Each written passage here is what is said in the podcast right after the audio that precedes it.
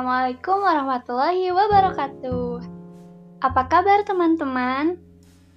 Saya harap semua pendengar podcast ini dalam keadaan baik-baik saja dan selalu berada dalam lindungannya.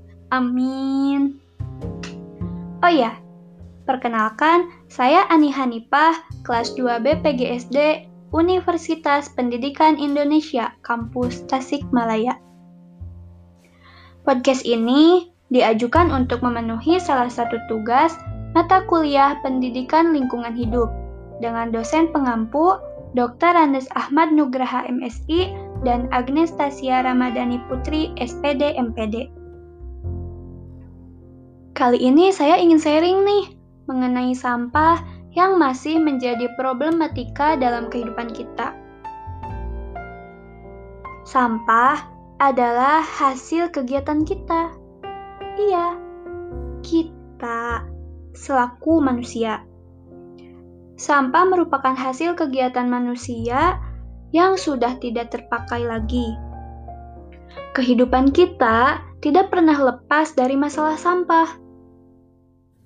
Faktanya menunjukkan bahwa potensi sampah terus meningkat seiring dengan pertambahan jumlah penduduk. Berdasarkan artikel yang saya baca dengan judul Dampak Manajemen Pengelolaan Sampah terhadap Masyarakat dan Lingkungan di TPAS Namo Bintang Deli Serdang, karya Elida FF Simanjorang, jumlah atau volume sampah sebanding dengan tingkat konsumsi kita terhadap barang atau material yang kita gunakan sehari-hari. Nah, oleh karena itu, manajemen pengelolaan sampah tidak bisa lepas dari manajemen pengelolaan gaya hidup masyarakat. Hmm, ngomong-ngomong masalah sampah dan gaya hidup, saya jadi teringat dengan istilah Fast Moving Consumer Goods atau FMCG dalam video nyampah yang disutradarai oleh Cindy Febriani. FMCG ini merupakan produk-produk yang memiliki perputaran produksi dengan cepat. Kebutuhan masyarakat terhadap FMCG bisa mendorong tumbuhnya perekonomian, menciptakan lapangan kerja, meningkatkan pendapatan masyarakat, dan akhirnya mengurangi kemiskinan di Indonesia. Apalagi saat ini sedang tren bisnis online shop sehingga proses pendistribusian produk industri FMCG dapat lebih mudah, cepat, dan membutuhkan anggaran yang relatif lebih kecil. Akan tetapi, FMCG ini memberikan dampak negatif terhadap lingkungan kita. Kenapa coba? Karena FMCG memproduksi plastik secara terus-menerus Sebagaimana yang kita ketahui bahwa sampah plastik itu merupakan sampah yang sulit terurai, sehingga hal ini mempengaruhi terhadap pertumbuhan jumlah sampah yang ada di bumi. Gustika Yusuf, host dalam film Nyampah yang disutradarai oleh Cindy Febriani mendatangi TPST Bantar Gebang.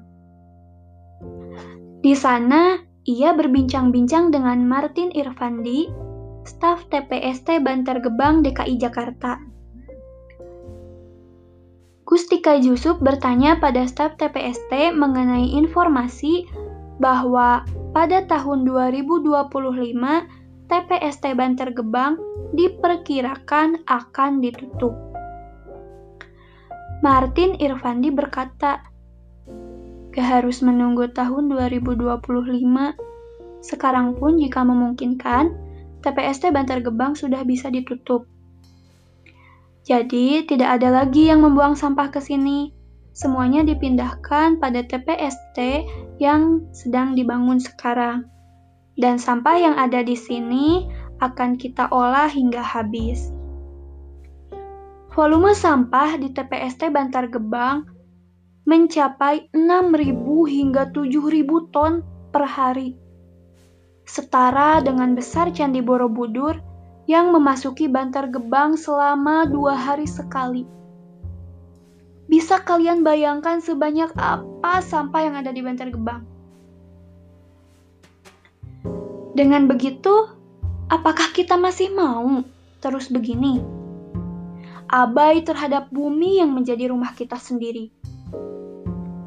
Bisa kalian bayangkan akan seperti apa kita dan bumi kita di masa depan jika terus-menerus seperti ini? Membicarakan mengenai masalah masa depan, saya jadi teringat dengan film animasi Wally yang menceritakan kehidupan di masa depan, di mana sampah ini memenuhi bumi, menumpuk tinggi, menyerupai bangunan pencakar langit. Dalam film itu, tidak ada manusia yang tinggal di bumi. Mereka semua meninggalkan bumi menuju dan hidup di luar angkasa.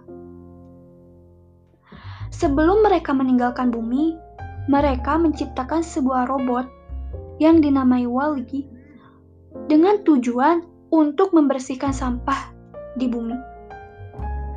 Akan tetapi, bukannya bersih, robot-robot ini malah rusak dan tidak bisa berfungsi lagi.